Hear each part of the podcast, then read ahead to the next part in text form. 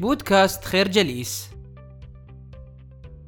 في الحقيقة هناك عدد قليل من الناس لا تتجاوز نسبتهم ثلاثة بالمئة ممن يدونون أهدافهم أو حتى يعرفونها. معنى ذلك أنه إذا كانت لديك خطة واضحة لتحقيقها فإن ذلك يجعلك تركز عليها وتصب كامل جهدك على المسارات التي توصلك إليها. وبدلا من الانحراف عن هذا المسار الواضح وجب التركيز بما فيه الكفاية على خطوط مستقيمة من البداية حتى النهاية.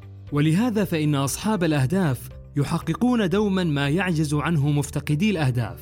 وكي تكون الأهداف المرجوة طاقة نحو الأمام وجب تدوينها وتطويرها حتى لا تتحول إلى طلقات فارغة في الهواء. فالأشخاص الذين يفتقدون إلى أهداف أو لا يدونونها يمضون في هذه الحياة كأنهم يصوبون في الفراغ. وهذا لا يعني أن تحديد الأهداف يضمن النجاح بل فقط يزيد احتمالية النجاح بمقدار عشرة أضعاف وهي احتمالات جيدة جدا لمن يرغب في تغيير وجه حياته.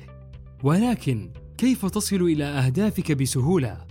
هناك مجموعة من الطرق أهمها ابدأ بتحديد هدفك بالضبط ودون ما تريد وضع موعدا نهائيا لأهدافك واصنع قائمة بكل شيء ثم نظمها. ونفذ الفكرة على الفور. وافعل كل يوم شيئا. الفكرة الأهداف تحدد مسارك وتسهل عليك طريق الوصول إلى النجاح.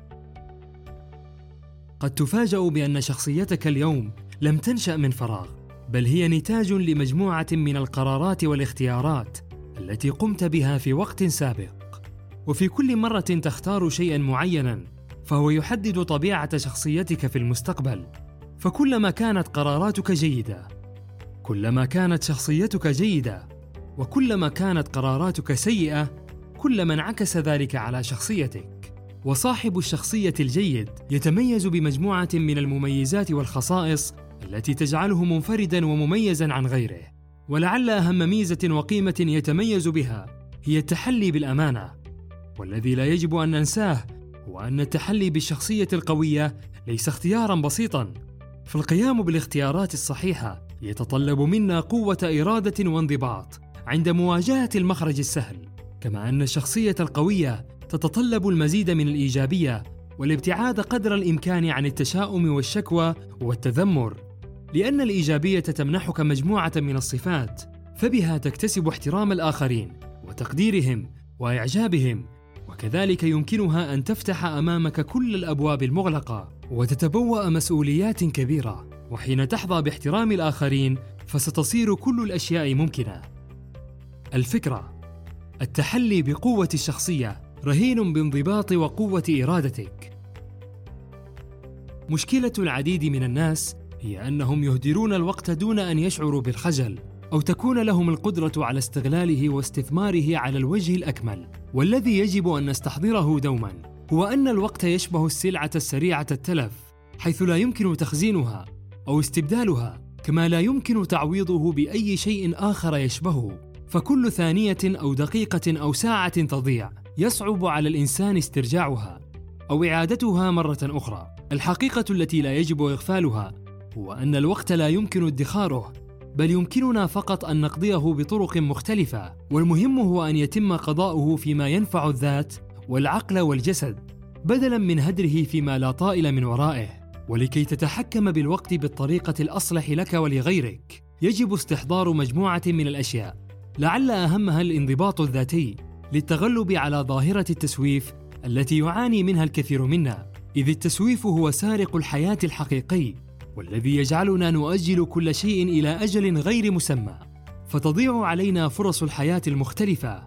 ولكي يتجنب الإنسان هذا المرض النفسي والفكري وجب الاهتمام بوضع أولويات واضحة تسعى إلى الالتزام بها كي توفر عليك المزيد من الطاقة المبذولة في نشاطك أو أعمالك. وشحذ الهمة والعزيمة للوصول إلى أهدافك بأبسط الطرق الممكنة دون ضياع للوقت أو تأجيله. الفكرة فن إدارة الوقت يتطلب الكثير من الانضباط الذاتي للتغلب على ظاهرة التسويف المرضية.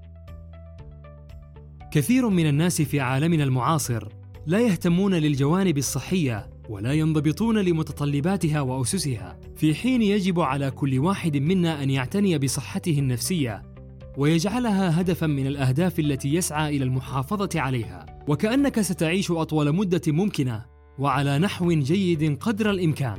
ولكي يصل الإنسان إلى هذه الصحة النفسية وجب عليه أن يسلك طريق الحصول عليها.